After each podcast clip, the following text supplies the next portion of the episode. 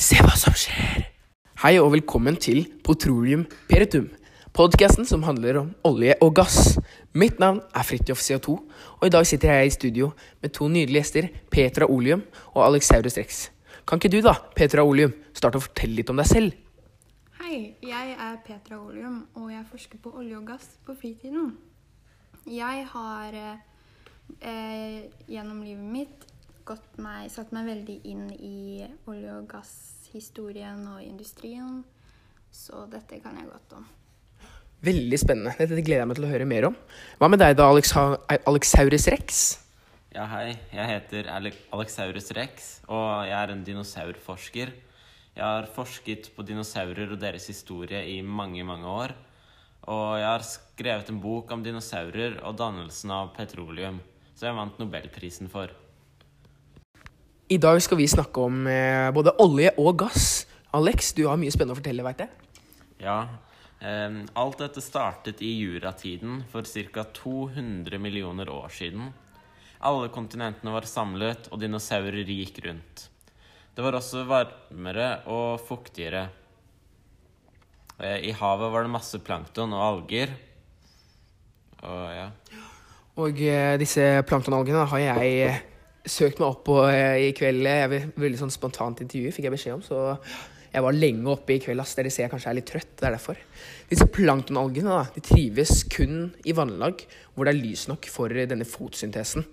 Og det vil si, i hvert fall i Norge, så vil det si 15-20 meter eh, ned i farvannet. Men når vi kommer til kanskje Indonesia og Baliøyene, i de tropiske oseaniske, oseaniske områdene, så kan de faktisk overleve fra 100 til 150 meter ned i farvannet der. Og de kan også leve dypere. Det er sykt, altså. Plankton er encellede organismer som driver fotosyntesen. Og fotosyntesen er en veldig viktig del av olje- og gassdannelsen. Fordi den omgjør lysenergi til kjemisk energi. ja. Og når disse plantene døde, samlet de seg på havbunnen. Eh, også på denne tiden begynte da kontinentene å gå fra hverandre. Det skjedde så mye erosjon på havbunnen, eh, så alt endret seg. Alle disse store mengdene med døde plante- og dyrerester, også kalt organisk materiale, ble liggende igjen på havbunnen. Ja, og når ting ble liggende på havbunnen, fikk det mer slam og leire oppå seg. Og dette laget med slam og leire vokste sakte over millioner av år. Eh, og derfor økte trykket og temperaturen. Når temperaturen ble høy nok, ble det organiske materialet omdannet til olje og gass. Ja, dette gutter må vi ta litt saktere, da. Så hvis vi starter for ca. 200 millioner år siden, så var jo disse algene, planktonene og organiske materialene De ble jo samlet på havbunnen. Og begynte etter hvert å bli begravd under sanoleirer som kom fra overflaten. Og når det organiske materialet ble dekket fort nok, så ville det ikke komme noe oksygen inn, som gjorde at materialet ikke råtnet. Over tid ville jo sand og leire bli dekket mer og fikk et tjukkere lag av det, som gjorde det organiske materialet til å bryte ned til et stoff som kalles for kerogen. Det hørtes veldig spennende ut, Petra. Virkelig.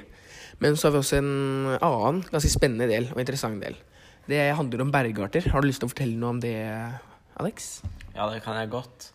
For dette med bergarter, det var ganske viktig for dannelsen av olje. Um, oljen ble dannet i noe som kalles kildebergart. Uh, vanligvis flyter denne oljen opp til reservoarbergarter når den har blitt omdannet fra organisk materiale til olje. Em, og disse reservoarbergartene er veldig porøse, som betyr at det er masse plass til oljen. Men eh, så er det en veldig viktig ting til, og det er takbergarter. For disse stopper oljen fra å flyte enda lenger opp og bare går rett ut til havet. Ja, så har det jo seg sånn, dere, at uh, når oljeselskapene borer etter olje, så er det kun ute etter disse bergartene som har vært utsatt for uh, temperatur, temperaturen mellom 75 og 150 grader. Hvorfor det? Jo, det er akkurat fordi det er da oljen blir dannet. Og gass uh, den blir dannet eh, ved at temperaturen er enda høyere. Men før vi går videre, dere, jeg vet at dette er et veldig spennende tema, men før vi går videre, så skal vi ha en liten reklamepause. Vi kommer snart tilbake.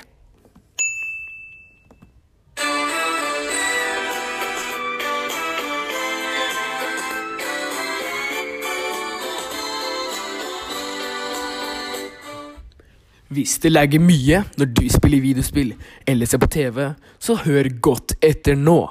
Flypad er det feteste produktet du får på markedet akkurat nå. Her kan du både streame alt som går an å se på TV, helt gratis.